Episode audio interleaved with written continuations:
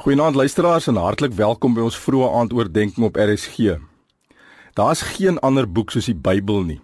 Die Bybel is reeds vir eeue lank 'n internasionale topverkoper wat in meer as 1000 tale vertaal is. Daar word jaarliks sowat 30 miljoen kopieë van die Bybel verkoop en dit word daagliks op elke kontinent van die wêreld gelees. Die Bybel bevat nie net die woord van God nie, dit is die woord van God. Die Bybel is ook die geopenbaarde wil van God aan die mens. God se woord dring diep in ons harte in. Dis lewend en dit werk kragtig in die lewens van Christene.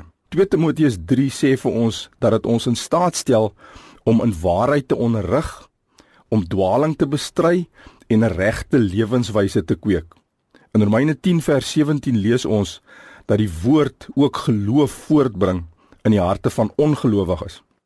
Die Bybel is oor 'n tydperk van ongeveer 1400 jaar deur sowat 40 mense onder inspirasie van die Heilige Gees geskryf. Die Ou Testament bestaan uit 39 boeke en die Nuwe Testament uit 27 boeke.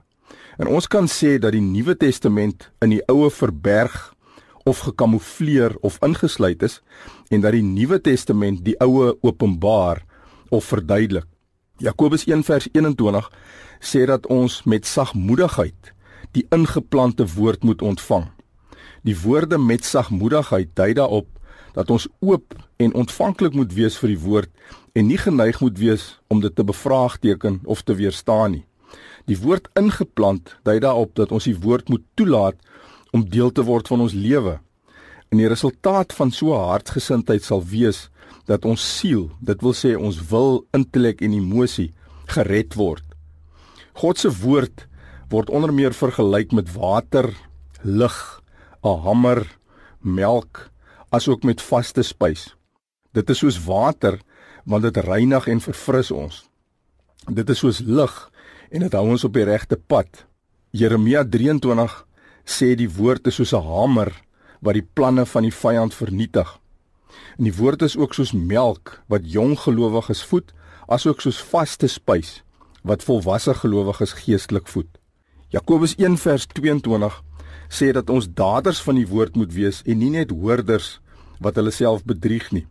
Daders van die woord reageer op dit wat hulle gehoor het deur God se woord in hulle dag tot dag lewe te implementeer.